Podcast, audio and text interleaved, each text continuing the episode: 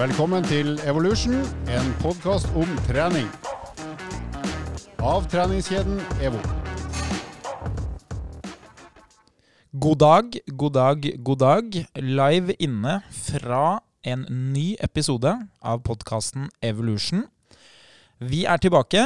Studio er satt. Folk er på plass.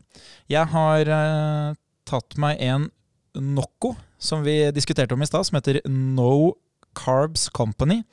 Litt irriterende for en som er glad i struktur, at det ikke heter Noca Co, som Linnea påsto at det burde hete her. Eh, da hadde det vært to bokstaver fra hvert ord. Kanskje ikke like kult, var vel det vi landa på. Jeg kan være enig i det. Men det her er ikke da et sponsa innlegg, så Noco har eh, ingenting med det her å gjøre. Det er en ren tilfeldighet. Det er bare for at jeg er litt lei kaffe på morgenskvisten. Vi er tilbake. Vi har litt spennende ting vi skal gå gjennom. Vi satte jo i gang både noen eh, challenger, vi satte igjen noen utfordringer eh, som vi skal eh, innom. Men før det, folkens, så vil jeg jo vite hva som har skjedd siden sist. Det er jo sånn av og til at vi treffer på noen blinkskudd. Det har jo skjedd litt eh, morsomme ting. Så eh, Linnea, hva har du gjort i helgen? Jeg har gjort eh, to store ting, eller fire store ting, egentlig. Begynte jo med en eh, skitur. Og så ble det feiring av kinesisk nyttår. Nå er det harens år. Xinjiang Kwaile, ja, til mine kinesere der ute. Aha. Du, vi, hvilket år er du født i? Rotta. Rotte. Mm. Jeg er drage. Oi. Det er jo sånn Når du hører det, så lærer man seg det jo. Det er jo, ikke, det er jo veldig enkelt å huske. Hva er du? Nei, det er jo derfor jeg har valgt å glemme det. Jeg er jo også rotte. Ja, for dere er født samme år. Yes. Ikke like kult som å si at jeg er født i dragens år, altså. det er Nei, meget men eh, rotta er den smarteste. Det er det jeg har hørt. Ja. Vi overlever alt. Stemmer ja. ikke det? Skal det ikke også være eh, Det er jo en svigerfamilie av meg som syns dette er litt sånn spennende. Skal det ikke også være eh, er, er man ikke sånn jord eller ild eller vann? Eh, implisitt at jeg egentlig vet det her, da. Det er jo så, så egentlig så skal det jo være Det skal jo krysses med en annen tabell, eh, sånn strukturmessig. Tror jeg, hvis ikke jeg tar feil. Ja, det kan godt hende. Så da kan du være ilddraget. Da skal du være full fyr. Ja. Full fres. Men nok om det. Eh, Noko, eh, apropos. Eh, du hadde gått på ski. Ja. Du har feira nyttår. yes. Og så har jeg gått meg en lang tur på mølla, og jeg har bada i Oslofjorden. Å, Dæven. Det var kaldt, men veldig digg. Vi hadde jo badstue også, så det var Og da har du, eh, da har du vært ute på fjorden i sånn badstue, eller Ja. på land? ute på fjorden. Det var, eller, eller det var på land. Hva heter det for noe? Er det, den som er, kob er det den som beveger seg ut i vannet, eller står den på samme sted hele tiden? Nei, den står på samme sted hele tida. Så det er på en sånn flåte hvor du driver og bobber i, i badstua. Ah. Og så hopper uti når du er for svett. Men du sier bade. Ja, altså, Svømte du lenge? nei, Eller er, det, eller er det rett opp og rett ned? det er rett opp og rett ned. Det er ikke sånn eh, 20. januar er liksom ikke da jeg tenker at jeg skal kjøre ryggsvømming forbi operaen. Nei. Det hadde jo vært sabla imponerende, det skal sies. Altså, det Altså, da hadde jeg blitt imponert sjøl. Ja. Men det var jo minus 13 den dagen, da. Så det Men hvor, kaldt er det? I vannet? Det er jo sikkert fire grader. Er ikke det sånn eh, Ikke det Til de som har hatt naturfag, så er det vel ca. fire grader. Det fryser jo ikke. Men jeg vet ikke, det var sikkert det. Jeg sjekka ikke noe temp på det, men det var jo is på vannet litt lenger inn, da. ja. Hvordan altså, tempen er ikke så farlig, men hvordan føles det? Føles ut som 1000 stikk mot huden idet du lander i vannet, og så bare fryser du hele veien inn til badstuen. Ja, for det er jo min tanke. Eh, Jeg har egentlig ikke noe problem å utsette meg for ubehag eh, hvis det er fordi jeg må. Eh, eh, ikke sant? Så I Forsvaret f.eks., eksempel, eh, det var jo ikke noe problem. Men det å dra ned og betale penger for å måtte bade i Oslofjorden, det, vet du hva? det er så langt ned på min liste det, over ting jeg har lyst til å gjøre. Fordi jeg har ikke noe lyst på det ubehaget med mindre jeg må. Så, så det der beskriver det jeg tenker. Det er kaldt når du hopper uti, og så er det kaldt hele veien til det ikke er kaldt lenger. Ja, men det er litt digg også. Er litt digg. Ja, jeg er enig med deg. Så det er jo det ligger stygt nærme pain and pleasure. Det Ja. ligger ganske nærme hverandre. Og jeg vil jo si at du får den opplevelsen av veldig Det er jo veldig deilig når du går ut av det og kommer deg inn i badstuen og får varme tilbake, er det ikke det? Jo, det er det. For du blir jo så grusomt varm når du sitter lenge i badstuen, og de peiser jo på med mer vann på den. Du blir jo sitter jo der og svetter. Ikke sant? Får 130 i puls, og så eh, Jeg hører hva du sier, jeg hører hva du sier men jeg, jeg er ikke noe nærmere noe badstue her. Altså. Det, Får bli en utfordring en gang, det da. Ja. Eh, Nå fikk jeg egentlig bare bekrefta det jeg allerede trodde, at uh, dette er ikke noe for meg. Men det er sprekt, da. Det må jeg jo si. Altså, det å drive og bade i Oslofjorden i januar, det er det jo Som regel, de som gjør det, de, eh, de gjør det ufrivillig. Men nok om det. Uh, Sindre, det, eh, du, du driver med noe sånn snekring før snekring, har jeg skjønt? Det er helt riktig. Altså, Med mine to år som rørleggerlærling, det er jo det viktigste jeg presiserer i min hverdag som PT, at jeg har vært håndverker en gang i tiden. Har ikke gjennomført. Så har jeg nå fått i bestilling av samboeren min å bygge eller pusse opp gangen. Kommer helt an på hvordan du ser det. For meg så er dette et byggeprosjekt, for jeg har bare fått vite at denne klossen skal på denne klossen, og det skal se sånn ut. Hun har ikke helt peiling sjøl på hvordan det her skal gjennomføres, så jeg har jo da gjort sånn som vi gjorde i Vil du bli millionær en gang i tiden. Jeg har ringt en venn, eller nærmere en foresatt, som faktisk er rørlegger. Og det er jo da min far. Ah. Og da er jo mitt spørsmål når man pusser opp i dag Jeg har jo lagt merke til en ting. Alle nye statlige bygg, alle flyplasser, eh, transporthaller og sånn, har jo gjort én ting, og det er jo at de har bygd sånn spiler. For det er jo poppis. Eh, Det som jeg da ville kalt vegg på vegg, det er jo istedenfor tapet, så bruker man jo da ekstra vegg på vegg. Eh, Har dere det? Ikke ennå, men eh, det er helt riktig, det er på bestilling. Så dere skal ikke flette panel bortover, dere skal tverrstille plankene. Å ja. Ja, ja. Jeg, jeg har ikke peiling på kunst. Jeg har ikke peiling på hvordan det skal se ut. Av og til så får jeg skryt for at det ser bra ut hjemme hos oss, og da sier jeg jeg har bare vært på butikken og handla det jeg har fått beskjed om. Så jeg kan ikke ta skryt for det. Så øh, det kan godt hende spiller er det man må ha, men øh, jeg bare observerer. Altså Du og jeg vi er jo helt enige. Uh, og det er klart at eh, jeg òg har ikke peiling på hvordan det kommer til å se ut. Jeg bare vet at hvis jeg gjør det jeg får beskjed om hjemme, så blir det en litt hyggeligere hverdag. Så det er klart det at vi gjør det uansett. Ja, og så er jo et hus av betong er kanskje ikke det mest sjarmerende. Det kan jeg forstå. Så øh, Ja, det er bra ikke jeg bestemmer. enig. Good. Skal vi eh, begynne å se på de tingene som vi uh, prata om forrige gang, da? Eh, la oss rett og slett gå litt videre inn på det med 500 kalorier og forbrenning. Før det så får du en liten lyd.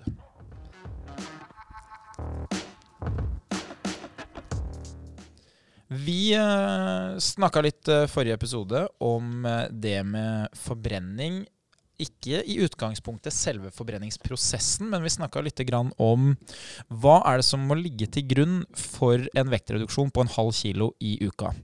Da snakka vi om 500 kalorier, som er en betegnelse på energi som Helsedirektoratet anbefaler at du skal ligge i minus, altså eh, det du putter inn, altså det du spiser, minus det du forbruker, skal gi da et underskudd på 500 kalorier om dagen. Da vil du jo gå ned en halv kilo i uka. Og så tenkte vi at vi skulle bidra litt da, for å gjøre det litt lett for lytteren. Så vi skal da prøve oss å sette dette her litt i sånn eh, system og kontekst utover eh, våren. Så vi bruker litt tid på det nå i de første episodene, og så skal det rulle og gå litt sånn på, eh, på egen hånd. Og det vi har gjort, da, det er at vi, vi har gjort dette på et veldig folkelig nivå. Altså Vi har gjort det sånn at de fleste kan eh, forstå det. Vi har lagd eh, noen ulike kriterier som vi skal bedømme øvelsen ut ifra. Og så har vi satt oss et mål som gjør at man kan få litt innsikt i hva man kan forvente. Så det vi vil se på, er hvor mye krever det egentlig av deg å bruke 500 kalorier hvis du velger ulike treningsformer? Og da har jo vi tenkt å teste såpass mange ulike treningsformer at de aller fleste kan finne én ting som passer for seg. Og eh, det er ikke jeg som skal ut og teste, det er ikke du, eh, Sindre, men det er eh, Linnea, og du er i gang. Hva tenker du om dette gode eller idiotiske påfunnet vi har her? Ja, det er, det er bra, det her. Det er moro, det er spennende. Det er gøy å teste ut, da. Litt forskjellig.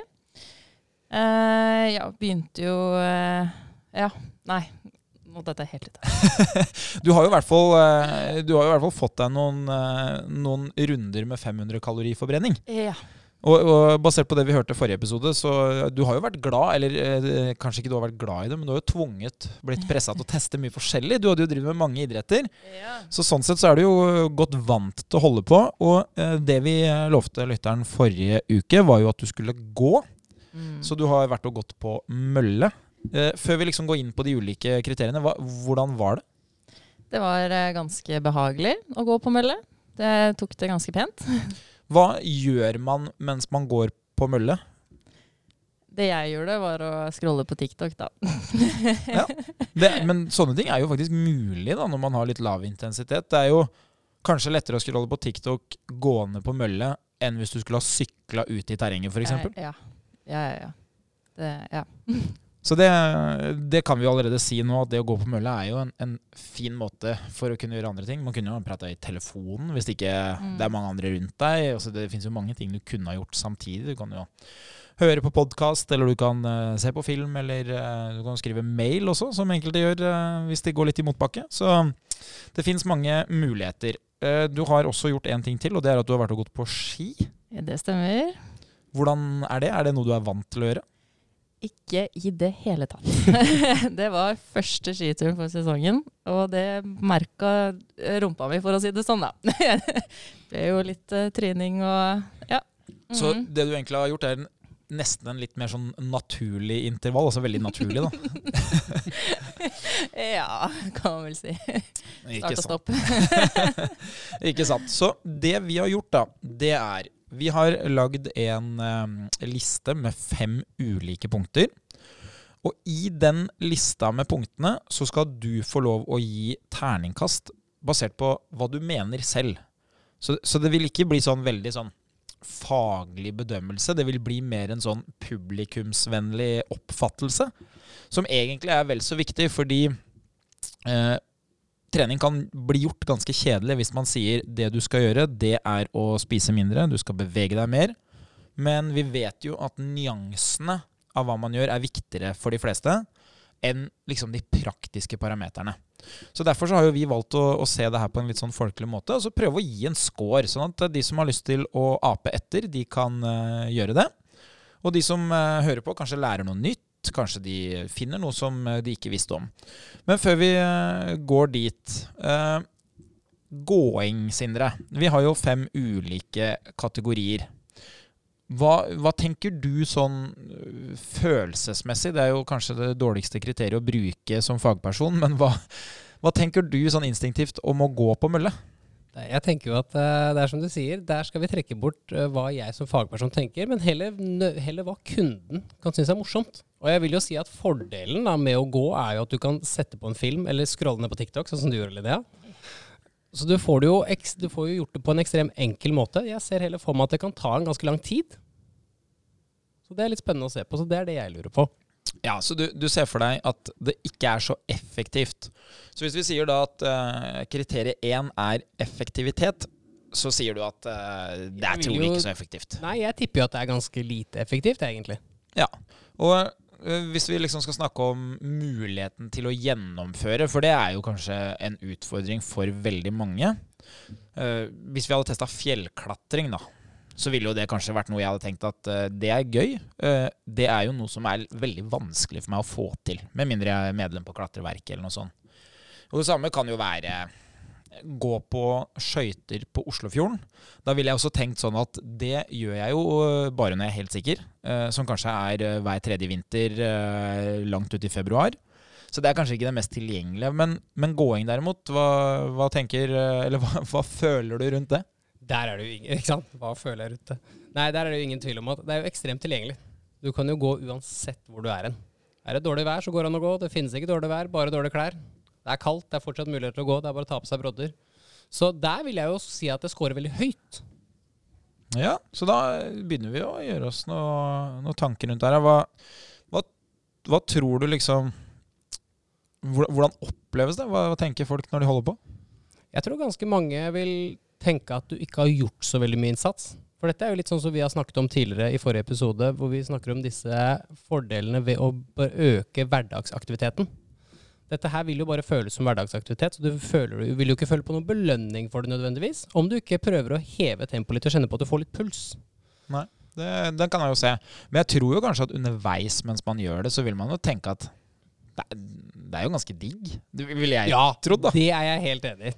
Men så er jo, der kommer ikke sant, det bias i meg, at jeg vil jo alltid tenke at skal vi prøve å skru på motoren litt. Grann. Så jeg tror at opplevelsen kan bli litt kjedelig i lengden, men allikevel at du vil føle på en ganske god belønning ut av det. Ikke sant?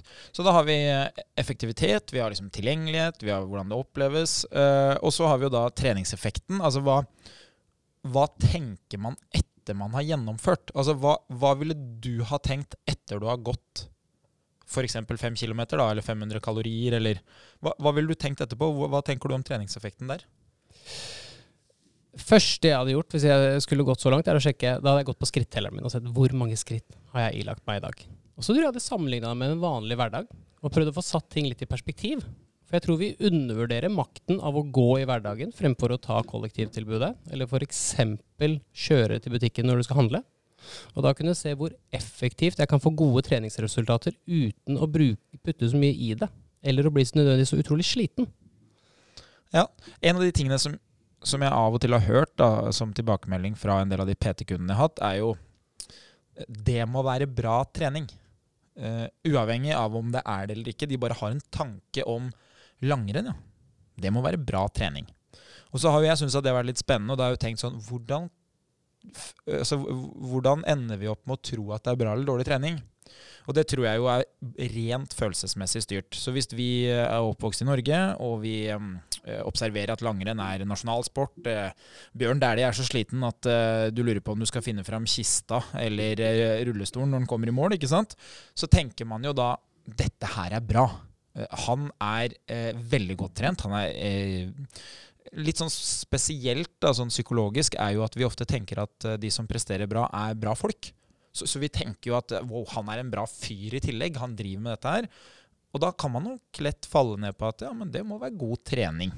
Og sånn tror jeg vi har om en del ting. Eh, man er oppvokst med at jogging, det er bra. Og så er det nok en del ting som er bra for oss, som vi kanskje undervurderer litt. Og gåing, det, det, Hvis man skal sette på spissen, jeg tror kanskje ikke det er den mest sexy treningseffekten du får. Nei, på ingen måte. Det vil jeg ikke tro. Så der tror jeg man scorer dårlig. Og så har vi den siste, som er eh, en kategori som jeg kanskje ikke har tenkt så mye over, men som jeg har observert. Så jeg syns det var egentlig en veldig, veldig godt poeng, og det er jo et innspill av den som skal gjennomføre sjøl òg. Og det er jo da det vi kaller for svetthet. Hvor, hvor svett blir man av det her? Um, og jeg har jo tenkt sånn rent praktisk på det, sånn løpe intervaller først, så trene styrke. Ja, det er jo litt dumt, for da blir du veldig svett, så da må du gjerne skifte. Men jeg har jo også trent veldig mange mennesker som bryr seg i stor grad om at det er ubehagelig å bli sånn skikkelig, skikkelig svett. Og det har jo sikkert noe med å gjøre hva du har gjort som barn, hva du har vært vant til, hva, altså oppvekst, alt mulig sånn. Eh, så jeg skjønner jo at det er et godt poeng, så derfor skal vi ha med det som en egen kategori. Hva, eh, hva tenker du om det, og, hva, og ikke minst, hva sier følelsene dine om svetthet og gåing? Jeg tror det er Jeg tror følelsene mine går imot det veldig mange andres gjør. Eh, I og med at i barndommen min så ble jeg belønnet for å svette. Det at jeg drev med idrett og følte mestring, det gjorde jeg gjennom å bli ekstremt sliten på trening. Som gjør at jeg i dag har en positiv assosiasjon med det å svette på trening. Da føler jeg at jeg gjør noe riktig. Men jeg tror for veldig mange der ute så har man opplevd på veien at det å svette, det skaper ubehag, og det er vanskelig.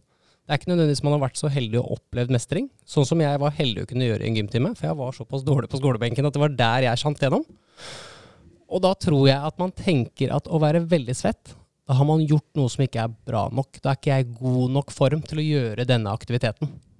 Godt poeng. Eh, selv om hodet mitt nå hang igjen rundt middagsbordet når du var barn. Sindre, kom deg ut! Du lukter nyvaska! Helt riktig. Du tar en runde rundt huset en gang til! Men det er et godt poeng ja, at man kanskje tenker at man er dårlig trent når man blir skikkelig svett. Ja. Da burde man jo kanskje ha vært med meg på noen intervaller, for da Ja, da kan du ta med deg både én og to T-skjorter. Ja, for jeg kunne jo ha løpt i badebuksa. Altså, det er jo Resultatet blir av og til det samme. Ja. Så det, det er et godt poeng. Men vi trenger jo ikke å føle så mye rundt det her, for vi har jo faktisk eh, fått Linnea til å teste det. Så det vi skal gjøre nå, da, det er jo at vi faktisk skal ha en eh, autorisert gjennomgang. Vi, eh, ja, autorisert er jo alltid morsomt å bruke litt sånn fremmedord. Jeg syns jo det er gøy. Eh, vi eh, skal jo rett og slett se på hva er det du opplever, og det er jo mye viktigere. Altså Hva jeg og Sindre eh, jatter om og føler, det var jo mest for å beskrive de ulike kategoriene. Så hvis vi ser på da nummer én, effektivitet. Hva, hva tenker du om det? Uh, jeg tenker at det ikke er så effektivt å gå. Uh, så jeg har jo gitt det en score på to for denne gangen her. I og med at ja, det tok jo litt tid. Uh, rusla ja.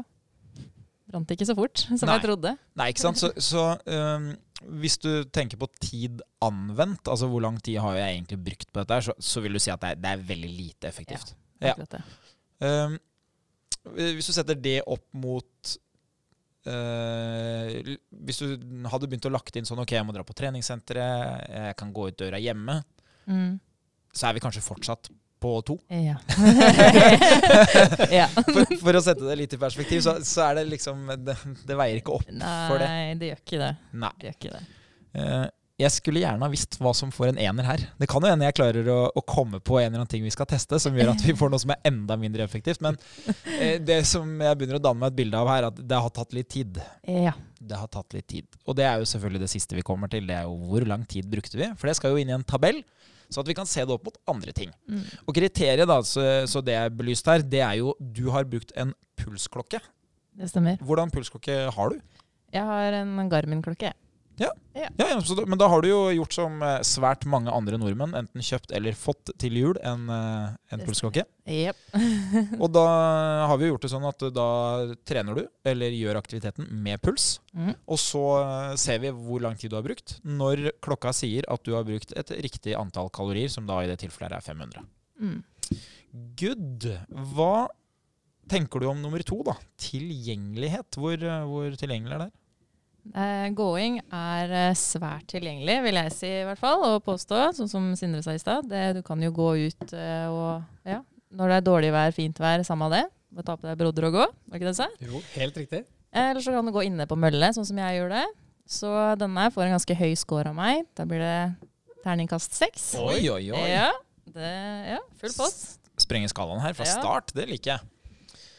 Så tilgjengelig, det er det definitivt. Ja. Man kan gjøre det nesten uh, hvor man vil. Det er liksom alltid passende. Uh, det krever jo kanskje ikke så det, det er en sånn viktig ting for meg. Det krever kanskje ikke så mye mental forberedelse heller. Trener, trener, trener Nå har hodet lyst på trening. Du trenger ikke så mye forberedelsestid heller, kanskje. Nei, det gjør jo ikke det. Det er jo bare å ta på skoa og gå, egentlig. Ikke sant? Hva, hva mener du om opplevelse? Eh, Vil du først beskrive hva opplevelse er for deg, sånn at lytteren på en måte Hva er det du tenker når du vurderer opplevelse? Det jeg tenker når jeg vurderer opplevelse, er eh, hvordan føltes det for meg fysisk og psykisk mens jeg utførte denne challengen her, da. Og liksom Ja, var dette her veldig slitsomt? Ble jeg veldig liksom, sliten i hodet, eller gikk det her helt fint? Og så videre og så videre. Så eh, for meg så var denne opplevelsen her midt på tre, egentlig. Altså, får en, får en firer, da. Fordi det var egentlig ganske behagelig. Jeg valgte jo en behagelig tempo, og da ble opplevelsen egentlig ganske grei. Følte du på noe Hadde du lyst til å gjøre det igjen? Fikk du noe mestringsfølelse ut der og tenkte at dette her, det skal jeg gjøre neste uke en gang til? Jeg Kan ikke si det, altså. Det er jo litt sånn som jeg mistenkte i stad, at eh, det er som du sier, det er veldig tilgjengelig og veldig enkelt, men du vil jo ikke føle på så utrolig mye mestring av det, da, som gjør at du har lyst til å gjøre det en gang til til en annen gang. Nei, det, altså, det er jo ikke sånn noe spesielt utfordrende. Det er egentlig mer at det krever veldig mye tid. På veldig lite effekt, da. Jeg skjønner at vi er på vei bort fra det fysiologihjernen min eh, hadde gitt av Det var det jeg skulle si, skjønner du. Det treffer vel deg stikk motsatt ende. ja, men jeg syns det er veldig bra, fordi eh, som jeg òg har sagt tidligere, da, ikke sant? jeg har jo brukt veldig mye tid på å trene andre mennesker. Som er kanskje en av de tingene jeg bruker mest når jeg jobber med markedsføring av trening overfor helt vanlige mennesker som skal bli medlem på et treningssenter. Så jeg har jo ofte sagt det at uh, man kan jo ikke bruke meg og mine preferanser for det å løpe gatelangs for å løpe fortest mulig. Det, det er jo ikke det de fleste syns er gøy, det er ikke det de hadde valgt. Så jeg syns det er veldig morsomt når du sier at du gir det en firer fordi opplevelsen underveis var bra. uh, mens i mitt hode så ville jeg jo veldig, veldig ofte i løpet av den treningsøkta tenkt det er mye jeg går glipp av som jeg kunne ha gjort istedenfor dette. Eh, sånn treningseffektmessig. Så derfor syns jeg det er utrolig fint at du beskriver det, fordi min opplevelse er at den eh, skildringa som du gir, den representerer jo de fleste. Det gjør jo heldigvis ikke min. Eh, fordi min, eh, min skildring av det ville jo også skapt veldig høy grad av forventning eh, til hva man skal få igjen. Og den ville også skapt et kanskje litt sånn usunt klima fordi alt er basert på at man skal ha mest mulig igjen for det man gjør, som ofte sørger for at man ikke klarer å gjennomføre til slutt. Fordi det blir hele tida sånn hva er optimalt, og til slutt så blir det ikke gjennomført. Så det, det er jo en tøff mental reise å skulle drive på og hele tida søke etter mest mulig avkastning. Så jeg syns det er kult, jeg. Ja. Så da har vi foreløpig effektivitet to, eh, tilgjengelighet. Kunne gjøre det overalt. Eh, der, du, eller der ga du en sekser. Mm. Opplevelse fire. Og så eh, var det jo da treningseffekten, da. Hva tenker du idet du er ferdig, og etterpå? Hva, hva har du fått av det her? Det jeg tenkte umiddelbart var å herregud, jeg må styrke hofta mi. For jeg begynte å få litt småvondt i hofta mens jeg gikk, for det var så lenge. Eh, og det var ikke kroppen min helt vant til, å gå så lenge på mølle. Eh, men eh, ellers så kjente jeg ikke noe sånn, jeg var ikke noe spesielt sliten. Eh, jeg var ikke andpusten, og jeg, ja. Ja. Så jeg ga denne her en eh, score på to, jeg. Ja, så, så, ja, ikke sant? så egentlig så sier du at uh, sånn i ettertid så blir du ikke veldig mye bedre trent. Nei. Du får brukt 500 kalorier, men du, du tenker ikke at uh, til sommeren da kommer folk til å lure på uh, om jeg har brukt hele livet mitt på styrkeløft og løping. Mhm. Ikke sant. Sindre, hva, hva tenker du da, hvis vi skal bruke litt sånn faglig perspektiv på det? Hva, hva er treningseffekten av å gå, liksom? Altså, jeg tror vi skal være veldig forsiktige med å snakke om, den, snakke om treningseffekt som oss PT-er tenker. Vi blir ofte veldig baise der og veldig opptatt av resultater. Og så glemmer vi kanskje bort det som Helsedirektoratet er veldig opptatt av. Det er jo å bare få hverdagsaktivitet. Få inn litt mosjon, rett og slett. Og man skal ikke skimse av det å gå Sånn som du Jeg er litt usikker på hvor langt du gikk, men hvis du går et sted mellom en halvtime til halvannen time om dagen, så skal du ikke se bort fra at du kan rett og slett få unnagjort ganske mye av det Helsedirektoratet anbefaler som minimumskrav for mosjon per dag. Og om jeg husker riktig, så tror jeg de anbefaler at man er moderat fysisk aktiv eh, i minst 2,5 til 5 timer. Og det tilsvarer et sted mellom 20 og 40 minutter om dagen. Som betyr at det kan jo være en, en aktivitet som vil fungere veldig bra om du ønsker å nå minimumskravene. Ikke sant? Så, så det man kan si da, det er jo at hvis du har trent litt, så er ikke gåing trening.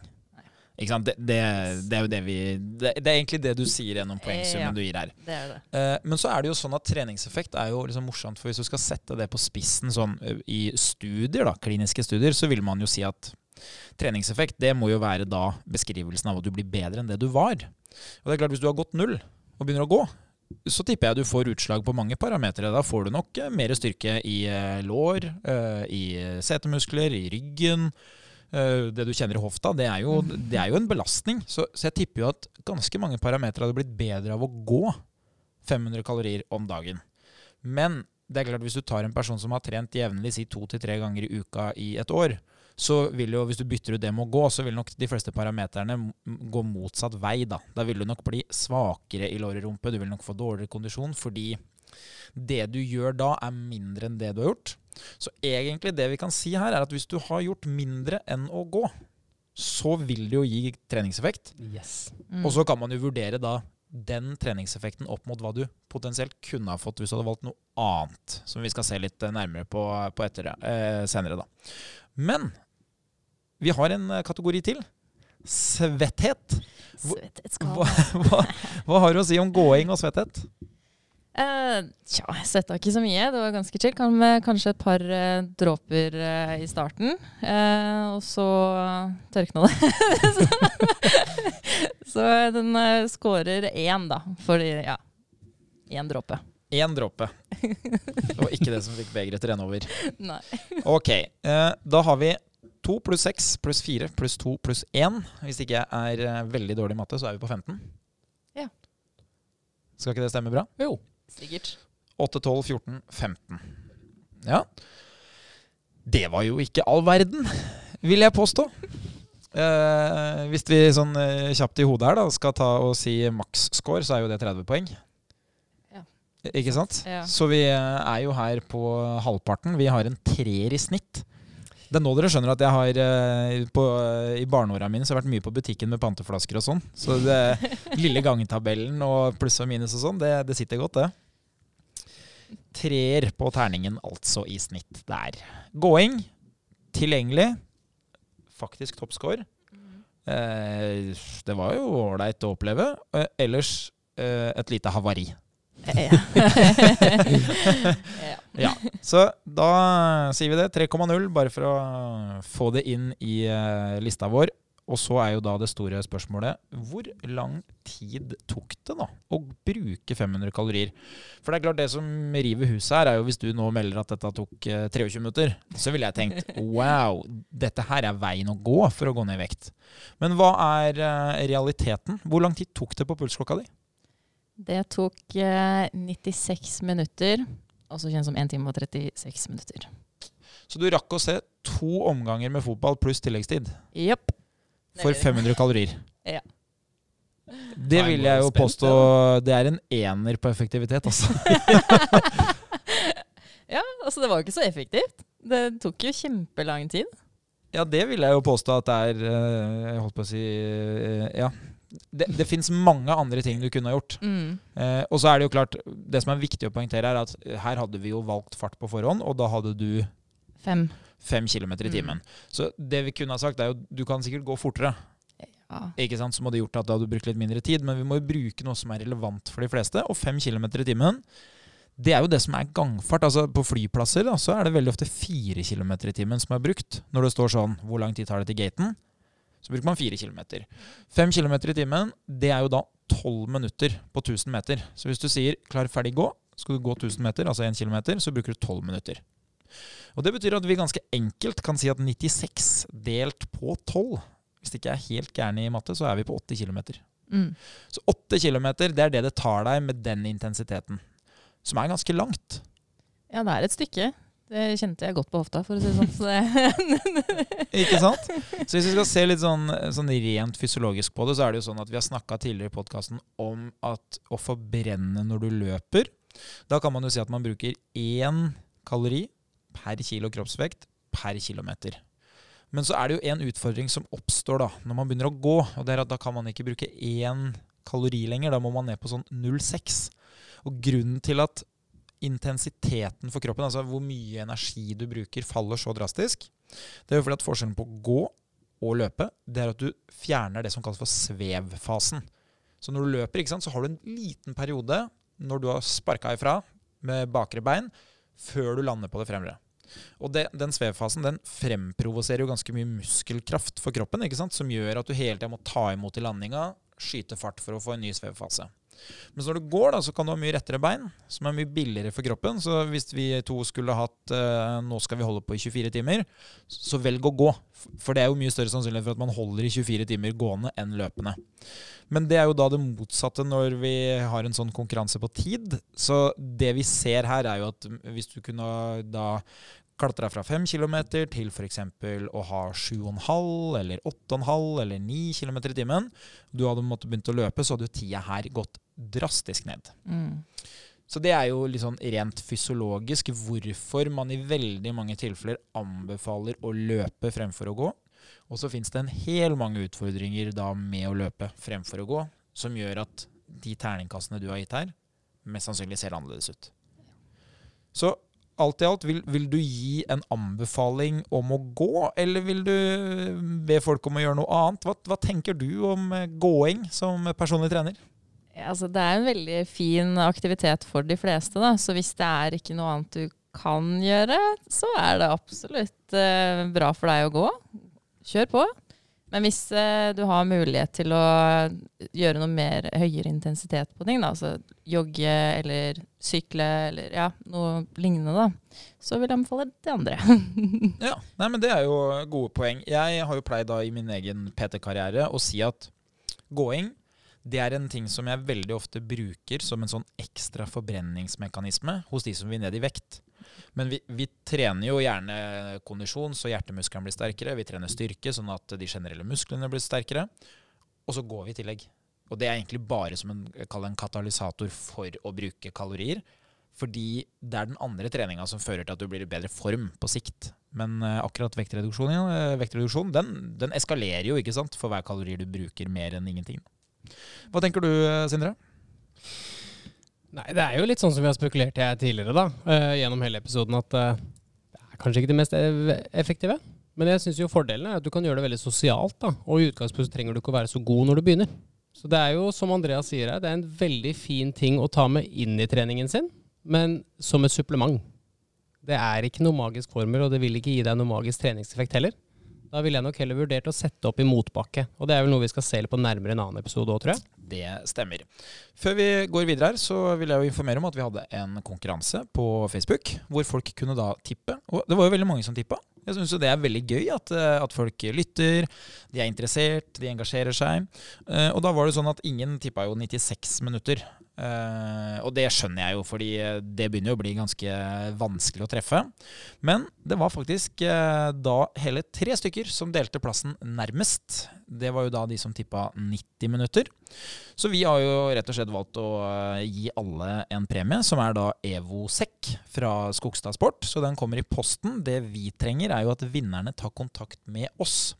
Så det kan man jo gjøre da enten via oss alfakrøllevofitness.no eller chat på Facebook. Jeg kommer også til å skrive på Facebook, sånn at de som har kommentert der, og som ikke da lytter akkurat nå, de eh, skal også få beskjed. Og vinnerne er da Jeppe, eh, Rogil, Philip Hamalund og Sander Andersen. Det syns jeg er kult. Da eh, går vi ut og inn av podkasten. Vi er på sosiale medier. Altså det, det begynner å bli eh, et bra nett for å få folk til å være fysisk aktive. Så alt i alt veldig godt fornøyd med, med engasjementet. Det syns jeg er kult. Ekstremt mange som har hørt på eh, første episoden vår òg. Det er jo eh, faktisk over 2000 stykker som har vært inne og lytta bare i løpet av de første dagene. Så det er jo tydelig at folk er interessert i trening. Vi eh, har jo en ting til på agendaen. Vi hadde jo gåing, og så har jo du gått på ski. Ja. Og nå er jo alle kjent med skalaen, så det jeg tenker da, vi bare druser gjennom eh, skigåinga og ser hvordan det lander. Så da vil jeg gjerne ha en poengsum på langrennsski, og bare for å få det ned med en gang. Langrennsski, klassisk. Yes, klassisk. Jeg klarer ikke å skøyte. Da Det hadde vært veldig morsomt å sett. Det hadde, blitt, det hadde ikke blitt 500 kalorier. Nei. Jeg stoppa på to. Har du, har du smørt skia, eller har du felleski? Jeg har felleski.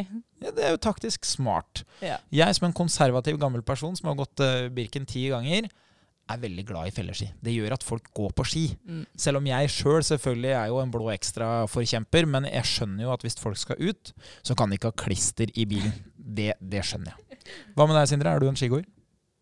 Jeg vet ikke om dere to som, Nå er det ingen andre som hører på denne episoden kan se ansiktsuttrykkene akkurat nå, men det er jo et stort spørsmålstegn her. Eh, og jeg skal vel være såpass ydmyk og si at jeg har ikke stått så voldsomt mye siden jeg var liten. Eh, Jeg mener at definisjonen på om du går mye på ski eller ikke, det er hvis du sier nedoverski, bortoverski. Da, det er få mennesker jeg kjenner som går Birken fort, som sier bortoverski. Er du en bortoverskier? ja, det var akkurat det jeg sa til kollegaen min i stad. Det er bortoverski det går i. Ja. Da, det, det definerer jo på en måte hvor mange timer man har brukt, føler jeg veldig ofte, da. Da bare gjetter jeg at det er ikke så voldsomt mange timer. Nei. Det er, det, er, det er få som går i mål på Birken og tar merke, og som sier at nei, bortoverski er noe jeg Det liker jeg godt. Nei, altså jeg prøvde meg jo på bortoverski her for to år siden igjen og tenkte liksom at det ser jævla kult ut. Jeg har jo sett deg gjennomført et par økter, og så syns jeg jo at utsikten og atmosfæren er jo så unik. Spesielt på disse fine vinterdagene hvor det er helt kritthvitt ute og masse sol. Problemet er at jeg har huet, huet mer ned i snøen enn jeg har den oppe. Så det var jo ikke noe mestringsfølelse her. Nei, ikke sant. Og så er det jo et eller annet med at stolheisen den tar deg til toppen, mens det gjør ikke langrennsskia. Så Det går mye fortere ned. det er jo en, det er jo en treningsform. Det Ja. er ikke underholdning, sånn som alpint er. For, I hvert fall for meg, som er mer på afterski og eh, som kjører rett ned i bakkene og sitter i heis, eh, og som ikke er så opptatt av portene, så, så er langrenn er trening. Ok, nummer én. Effektivitet. Hvor effektivt uh, vil du påstå at det er? Jeg ga den her en femmer. Ja. Ja, Det er ganske effektivt. Jeg følte jeg ble ganske sliten med en gang. Og jeg bruker jo hele kroppen når jeg går på ski. Og ja. Ja. Jeg tryna jo en del, så derfor fikk jeg Ja, ja, du kjørte litt bur burpees òg underveis. Eh, nummer to, tilgjengelighet, da. Der skal være litt lavere, i og med at man er så avhengig av været, og man har utstyr, og at det er vinter, ja, og så videre. Da. Så da ble det to. Det kan jeg jo være enig i. Det er jo en halvårsidrett òg, så Ja. med mindre du er gira på rulleski. ah, nei. Det, de fleste tenker jo på det med skrekk og gru, fordi eh, de lurer jo på hvordan man skal stoppe. Det er akkurat det. Det er det som ikke huet med en gang. Jeg har for øvrig en far som går på rulleski. Han går uh, i Groruddalen, uh, fordi der er det veldig få bakker, Uh, og han kan gå da uavbrutt av biltrafikken. Fordi han er litt usikker på hvordan han skal stoppe rulleski. Mm. Så det, det er flere som har det dilemmaet, selv de som er aktive på rulleski. Eh, nummer tre, opplevelse. Hva, hva føler du? Jeg følte Jeg ga det her en femmer. Fordi herregud, så fint vær det var på lørdag. Det var helt sinnssykt fint. Det var minus tolv grader, så litt kaldt. Men altså, det var så hvitt og fint. Det var som å gå i Winter Wonderland. Så de få gangene jeg klarte å se opp, så det måtte nytes. Jeg føler at dette her er en litt sånn uh, norsk side av det. Selv om du òg er kinesisk, så føler jeg jo at uh, dette her er jo veldig nasjonalromantisk. Da. Det er jo det er helt kritthvitt, og det er langrennsski og nasjonalsport og Ja, ja, nei, det, jeg, jeg kan være enig i den. Mm. Jeg har jo en del skiturer eh, alene.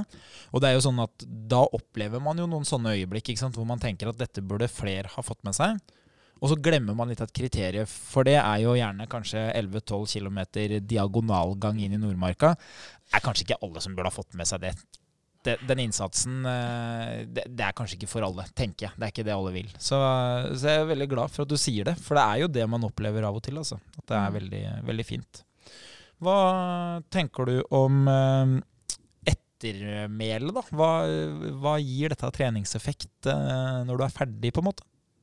Jo, ganske mye. Mye mer enn gåing, i hvert fall. Så jeg gir den her en femmer. Mhm. Jeg var, eh, jeg var ganske sliten da jeg kom hjem. Ja, Det er jo en ting jeg er litt interessert i. da. Hva, hva er forskjellen sånn kroppslig? Hva, hvor er det man er sliten? Altså Hvis du sier at du kjente litt i hofta når du gikk, hvor, hvor er det du kjenner det når du går på langrennsski? Hele kroppen. Arma, beina, huet, pusten. Det var litt sånn mør i hele kroppen egentlig etter å ha gått på ski. I hvert fall siden jeg ikke er så vant til å gå på ski, og jeg har ekstremt dårlig teknikk. Så det ja. Nei, men Det er jo en veldig god beskrivelse. Jeg, jeg tror de fleste kjenner seg igjen i det. Hva med deg, eh, Sindre? Hva tenker du om treningseffekt og langrenn? Og Ja, det var jo akkurat det du sa der jeg tenkte på. Så jeg tenker jo at effekten er nok ganske god om du klarer å holde deg på beina. Men utfordringen er jo som sagt å holde seg på beina, da. Men der får du også en god effekt på å trene balansen. Sant. Og det er jo noe vi mest i aller høyeste grad ikke får gjort når vi går. Annet enn om det er, hvis det er litt glatt under beina, da. Nei, godt poeng. Man får jo en del treningseffekt bare ut av at man har valgt en annen aktivitet. Eh, Veldig god beskrivelse. Du får jo balanse. Og så får du jo brukt overkroppen. Mm. Eh, og når du bruker overkroppen, altså når du skaper kraft med armene, så må du jo gjerne bruke kjernen, da, i hvert fall ryggen. Uh, Idet du staker, så må du gjerne bruke magen også, for hvis ikke så vil jo bare kroppen uh, bøye seg bakover. Så man får jo brukt uh, det som da egentlig er bindeleddet mellom overkropp og underkropp, som er mage-rygg, da. Så sånn sett så får du jo trent. Det som kan være en fallgruve, er jo ofte at man tenker at det må være mer slitsomt, fordi jeg bruker armene og beina. Og der har man jo sett på en del studier gjort på sånn type stavgang. At fordelen ved å bruke armene eh, er jo at armene blir brukt. Eh, baksiden er jo at de fjerner jo vekt fra beina. Så totalforbrenninga blir den samme. Så, så selv om det føles mer slitsomt, så er jo det bare fordi at armene ikke er så vant til å gjøre jobben som beina. Men i utgangspunktet så, så øker man ikke forbrenningspotensialet fordi om man bruker staver. Og det er jo sånn som man kan ta med seg, men for de aller fleste, hvis vi går tilbake til det vi snakka om i stad, om at hvis du ikke har gått noe og begynner å gå, så blir det treningseffekt av det. Sånn er det jo med ski. De fleste har jo ikke brukt armene som fremkomstmiddel. Og når du begynner å bruke de, så blir de fleste helt pudding i arma. Ja. Var du støl etterpå? Jeg var litt støl, ja. Ikke sant? Kjenner det litt. Hvor er det du er mest støl, da? Armene? Eller eh, det, det som eh, jeg ofte blir, er jo i lysken. Ja, jeg kjenner det mer i lysken, egentlig. Men jeg kjenner det litt i armene òg. Men mest i lysken. Ja, og så kan man jo, Det er litt sånn avhengig av teknikk. Og hvor mye man har gått og sånn, og så baksida av låra kan jo også være litt sånn eh, Hvis man klarer å gå med litt fraspark, så er det jo liksom Det å sende beinet bakover gjør at man må bruke baksida av låret litt. Grann. Mm. Good. Og så det siste punktet, da, som egentlig kanskje er eh, det jeg legger mest spenning i. da, Det er jo svetthet. Ja, svetthet. Eh, nå var det jo som sagt veldig kaldt ute. Eh, så jeg tenkte jo jeg ble sikkert ikke så svett. Men da jeg kom hjem og tok av meg klærne og vrengte de litt, da skjønte jeg at jeg ble, ja, jeg ble svett. Så det får en femmer, da. Kan ikke gi toppscore her helt ennå. Nei, ikke sant? Så det du, det du beskriver, da, det er at det var bra, ikke sant? Så en Ja, ja, ja. femmer er bra, fordi det du opplever, er at du ikke er svett mens du gjør det. Mm. Men så har du egentlig gjort en aktivitet som er ganske tøff for kroppen, som skaper uh, høy, uh, høy varme da, i, Ja. klærne, på en måte. Mm. Uh, svette, da, bare sånn rent fysiologisk, det er jo en måte på, for kroppen å få ned temperaturen. Så hvis du ser for deg at du er i Syden, og så ligger man i sola, så begynner man å svette veldig. Så det kroppen egentlig prøver å gjøre, da, det er å prøve å sende ut litt væske på huden, sånn at den væska skal da ta imot varmen. For væske bruker jo lengre tid på å bli varma opp enn bare huden gjør. Så, så da eh, er det jo en metode for å forsvare seg. Så det er klart Når vi gjør aktivitet som bare får det til å koke, så, så ender det jo med at det bare blir sendt ut vann, og det vannet havner jo i klær. ikke sant? Så det er derfor vi opplever at det blir veldig, veldig mye svette. da. Mm. Du, Her har du jo øh, fått en del flere poeng enn i stad. Her er du, hvis ikke jeg tar feil, så er du på 22. Oh. Jeg tror det. 5 yeah. pluss 2 pluss 5, 5, 5. Så her har vi jo klatra ganske høyt på lista. Legger oss jo øh, godt over, selv om det bare er to deltakere. Så, så skal ikke jeg Ja, skal vi se, da. 22. Jeg syns jo det er meget bra. Hva 22 delt på 5? Da er vi på Finner du frem øh, 4, ah, Det er vanskelig å ta i huet, altså. Eh, 4,25, er vi det? 4,4. 4,4. Ja, ja, det var, var nesten. Det var nesten. Eh, 4,4. Da slår vi inn godt over. Og da skal jo vi begynne. Jeg, jeg, skriver skjønner du, samtidig her. Så det vi begynner med nå, er jo litt sånn til de som har kanskje sett på Top Gear en gang i tida, når man hadde sånne rundetider med bil. Så er det jo litt sånn vi prøver å eh, skape, en, en slags oversikt. Og så tenker jeg at vi kan legge ut det av og til da, i sosiale medier, og så man kan få se den oversikten. Så da har vi fem kategorier, og vi har da en eh, totalsum på de, som sier noe om hvordan dette her er for vanlige folk. Vi eh, skal jo da fortsette med det her fremover, så neste gang så kommer det jo da litt eh, styrketrening. Hva tenker du om det, Linnea? Jeg tenker på Jeg gruer meg litt, for det kommer til å ta veldig lang tid. Jeg ser for meg at jeg må sette av en halv dag til trening. Det kan jo ikke bli så veldig mye verre enn eh, 1 time og 36 minutter, nesten. Tror du ikke det? Det jeg tror, da, det er jo at hvis vi går tilbake igjen til hvileforbrenninga, så vil man jo på et eller annet tidspunkt bli redda av den. Ja, det er sant.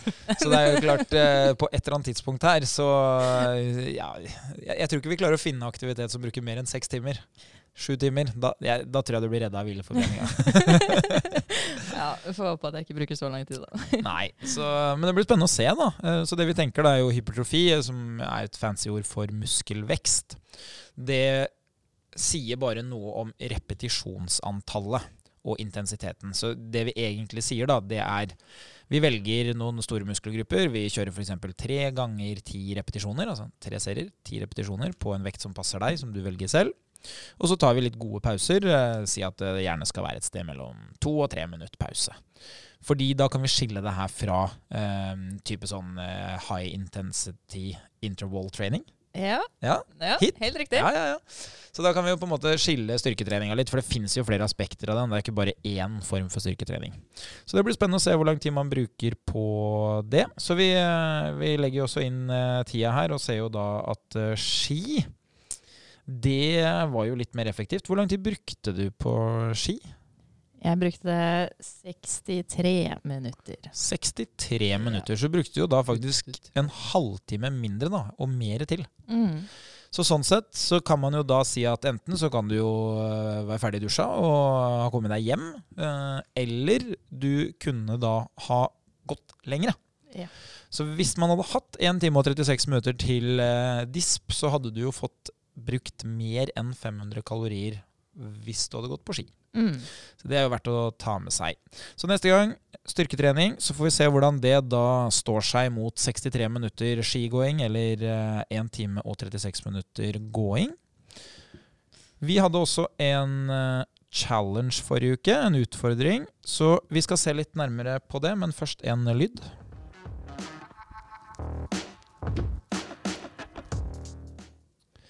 Forrige uke så var vi inne på challengen eh, som vi egentlig alle var litt positive til. Eh, Den er tøff mentalt, men den er jo veldig sånn Veldig enkel å bruke da, for å se på fremgangen, eh, for å måle treningseffekt. Og det var jo da hvor langt kommer du på 20 minutter?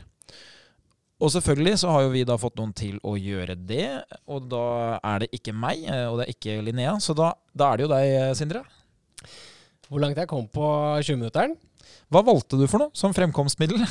Jeg var jo kynisk på det her og valgte tredemølla. Dette skulle være så effektivt som mulig, så jeg valgte å løpe. Du valgte å løpe. Er det noe du gjør til vanlig? Ikke nødvendigvis direk direkte løping. Jeg pleier jo å spille basket, så det er jo en form for løping, men det er mye hopp og sprett og vendinger i tillegg. Så litt annerledes å bare løpe rett fram. Men så er det bare 20 minutter, så jeg klarer å holde motivasjonen oppe gjennom hele prosessen. Men i basket så 20 minutter, da er du gått inn i neste pause, er du ikke det? Å, men det er det som er fordelen med basket, at du går litt inn og ut. Det er ikke like mye inn og ut som håndball. Men du får pausene dine, så da har du jo spilt halftime da, hvis du har spilt 20 minutter. Og der tar jeg gjerne en Jeg er ikke så voldsomt god form lenger. Det er Såpass ærlig skal jeg være med dere alle og si at eh, da er det vel en ti minutter jeg har spilt. For basket ser veldig tungt ut hvis man er to meter høy og 120 kilo. Det, det skjønner jeg jo at det er tungt, men Altså, ja, tenk deg hvordan basket hadde sett ut hvis alle var 1,60. Det hadde vært mye morsommere for meg. Uh, for det er klart at for dere så ser det veldig tungt ut å være så stor. Uh, for meg som spiller mot de, så må jeg dessverre si at det er voldsomt mange av de som eh, er lettere og raskere enn meg. Men de er ganske mye tyngre å få over seg, altså. Når de først faller. ikke sant? Så hvor, uh, hvor langt kom du, da? Hva, strategisk, da, hva gjør man når man skal i gang med det her? Hva, valgte du én fart fra start, eller begynte du å gå, eller hva, hva gjorde du for noe? Ja, nei, jeg ville jo få mest Jeg ville jo se hvor god jeg kunne være. Så jeg valgte å varme opp først. Så jeg gikk først på mølla i en sånn 5-10 minutter. Følte meg litt god og varm. Så jeg gikk vel de første fem minuttene, og så jogga jeg og økte gradvis etter hvert minutt på de neste fire minuttene. Tok et to minutter av mølla helt, bare for å få ned pulsen litt. Og så begynte jeg. Og jeg, lø, jeg jogga 20 Nei, jeg jogga 20 minutter. Jeg jogga 4 kilometer. Ja, så 12 km i timen. Helt riktig. Ja, Og da hadde du 12 flatt hele veien. Ja, stemmer. Så da kjørte du tøffing-varianten, som er jeg tar sats, jeg velger en fart, og så håper jeg at det redder eh, motivasjonen min de siste fem minuttene. Det er helt riktig. Jeg gikk jo bare utgangspunkt på den ene økta vi hadde hatt, ja, og da var vi vel på 12,5. Så tenkte jeg vet du, hva, det var ganske vondt, så nå legger vi oss litt under. Og gikk det egentlig noenlunde fint, altså. Ikke sant? Så det du egentlig poengterer her, er jo to ting. Det er jo at på mølle så må man velge på forhånd. Ja. Ute så kunne man jo liksom ha justert litt underveis. Det er litt vanskelig å løpe helt jevnt. Så det er jo fordelen med mølle, at du enkelt kan ha kontroll på belastninga. Du kan alltid gjøre det litt tyngre. Baksida er jo at du velger på forhånd, så hvis dagsformen ikke står i stil med det hodet tenkte, så blir det jo eh, ofte veldig tungt. Eh, og så er det jo eh, sånn at når du først da begynner å nærme deg, så er det kanskje litt lettere å motivere seg på tampen når du har klokka der og vet liksom Det er jo mye lettere å kunne potensielt sett tenke skal vi øke litt til. Når du veit det er en ett-to minutter, så står du mye enklere til å bare sette opp farta på mølla. Mens jogger du ute, så er det jo Hvis du ikke har en pulsklokke, så er det veldig vanskelig å finne ut hvor raskt du egentlig løper, og deretter justere ned eller opp.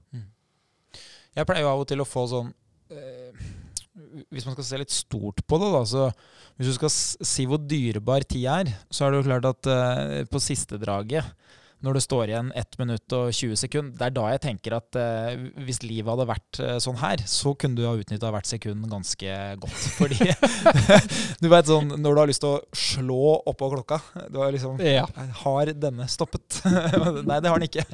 Da skjønner du jo at intensiteten er høy. Eh, Så nevner du jo en annen fordel, og det er jo at eh, hvis du har gjort noe før, så er det jo mye lettere å anslå. Yes. Jeg vil jo si at for de av dere som ikke har prøvd det ennå, og aldri har prøvd å løpe så fort dere kan, så ville jeg starta roligere. Da ville jeg starta litt under det du anser som ditt nivå, for å så deretter øke gradvis etter så og så mange minutter gjennomført. Eksempel i og med at det er 20 minutter, så ville jeg kanskje delt det på fem, og kjørt fem minutter, hvor jeg da alltid gradvis øker etter fem minutter.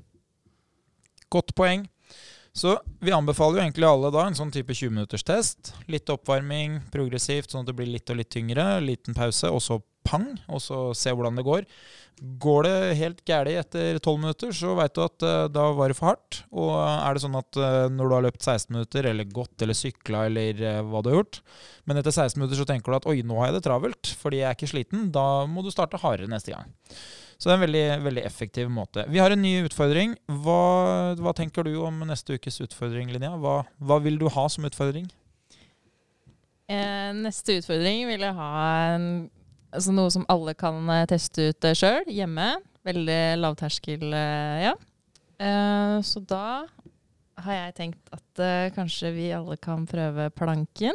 Ah, En fin variant. Plankstick challenge. Ja. Husker den fra gymtimene da vi var små, i hvert fall. Hvor lenge kan du stå? ja. Ja, hvor lenge kan jeg egentlig stå? Det tror jeg ikke er så lenge som jeg har lyst til. Jeg lurer på om jeg skal kjøre en litt sånn feig variant der. Jeg, jeg tror kanskje jeg skal prøve maks hver dag. ja. Fordi jeg tror belastninga er veldig lav i starten, men hvor ille det føles er veldig høyt på skalaen. Så jeg tror kanskje at hvis jeg tester det hver dag fram til neste gang, og det koster jo veldig lite når du skal stå lite, som jeg skal gjøre i starten, så kanskje jeg rett og slett får eh, best mulig resultat da. Skal vi ta en liten fun fact? Hva tror dere er verdensrekorden? Ja eh, De fleste sånne uh, rare verdensrekorder, og spesielt verdensrekorder som handler om sånn statiske ting, er jo overdrevent. Altså, de er jo hinsides.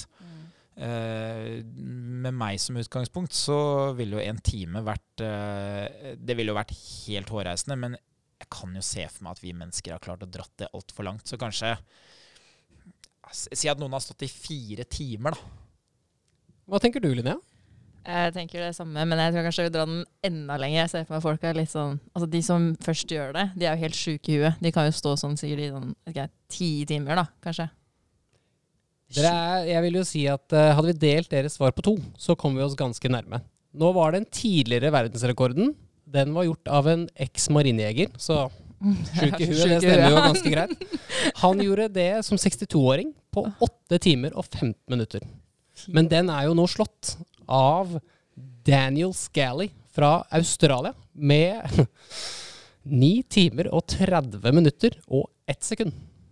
Jeg skjønner liksom ikke Ni timer og 30 Det var Godt tippa deg, da, Linnea. Men hva er, som, hva er det som skjer liksom etter 9.30 der? Er det, hvorfor skal du gi deg da, liksom? Jeg, jeg, jeg fatter ikke hva motivasjonen er for hvert sekund der. Det hadde vært spennende å ta terningkast på de gutta der, på hvor, hvor morsomt syns dere dette er? Hva, hva tror du de gjør underveis? Altså, for meg har det jo aldri vært et problem at planken er kjedelig. Men her er, her er det jo snakk om at her kunne du jo ha Du kunne jo ha gjort unna liksom ganske Du kunne sett all sport da på NRK. Ja, minst. Altså, jeg tenker jo bare utfordringen her. For meg nå tenker jeg veldig, veldig enkelt. Jeg kommer til å begynne å klø i løpet av ni og en halv time. Hva, hva, altså, hva gjør du da? Så øker belastninga med én arm der. Ja, og det, Du vil jo ikke det heller, du skal jo vinne verdensrekord, så hva gjør du da? Godt poeng. Jeg så forresten en uh, nyhetsartikkel her. Det, nå begynner vi å nærme oss slutten, skjønner jeg. Men eh, vi, eh, jeg, jeg så en sånn nyhetsartikkel her om eh, noen Det var Romerikes Blad som skrev om et sånt boblebad som var lodda ut. Hvor man skulle stå og holde da i boblebadet uh, utafor butikken. Det var på et nytt kjøpesenter hvor det var åpna, tror jeg. Så sto det folk og holdt i boblebadet, og han ene tror jeg, hvis ikke jeg tok feil, lurer på om holdt i 40 timer. Hæ? Og da, da har jeg bare stått der, og da var det sånn, tenkte jeg mm, Har jeg pissa i boblebadet, eller hva? Men de hadde fått noen pauser underveis og gå på do og sånn. Men det var jo Altså, eh, fire timer er jo kjipt å stå. Eh, åtte timer, da begynner du jo å tenke oi, det her er jo ubehagelig. Men etter 40 timer, da, da har du et problem. Jeg syns rushtrafikk på en times tid er helt forferdelig. Altså, bare stå der i 40 timer, det Så til de av dere nå som skal teste planken, om det blir 9 timer, eh, 30 minutter og 1 sekund, eller om det blir eh, bare sekunder Vi måler i sekunder. Så Ja. eh, 9 timer, da, det blir jo ganger 60 ganger 6, da. Nei, ni. Sorry. Det blir hinsides mange. Det blir helt latterlig. Ja, så vi, vi dropper det. Da er vi ved veis ende. Eh, Jeg håper jo folk har fått litt eh, input på hva de kan gjøre eh, av enkel trening.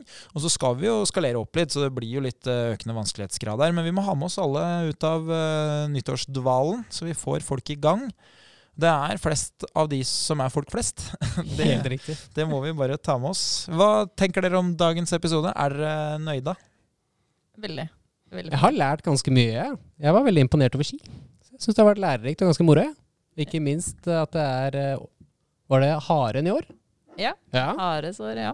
Det stemmer, det. Kultur og historie. Så sjekke etterpå da, om det var noe, om det, var noe det skulle krysses med. Om du er en eh, jordhare, holdt jeg på å si, eller om du er en ildhare eller vannhare. Jeg er ganske sikker. altså Det er nesten Pokémon. dette. Ja, for det var det altså, jeg har ikke turt å si det, men jeg tenker at dette er som disse Pokémon-korta da vi var små. det da. Når du, når du var liten, var, Pokémon var ikke der da jeg var liten, altså. Det var, kom etter jeg var liten. Ok, nok om det. Da takker vi eh, for oss herfra. Og så vil jeg òg benytte anledningen nå helt på tampen til å takke for alle som har lytta på denne episoden, som har lytta på den forrige episoden, og for alle de flotte tilbakemeldingene som vi fikk etter første episode. Det settes veldig pris på. Det betyr at folk er interessert, og at de liker det de får. Og det betyr jo mye for oss. Så hvis du har eh, noe du har lyst til å få svar på, eller du har eh, innspill, så send det til oss. Bruk sosiale medier, eller om du bruker podkast-appen, eller hva du gjør. Vi prøver å fange opp alle tilbakemeldinger. Hvis du går på nettsida vår, så fins det også en, eh, et skjema du kan sende direkte inn til oss i podkasten. Så ikke vær redd for å ta kontakt. Vi eh, svarer gjerne på lytterspørsmål. Så til neste gang, god trening.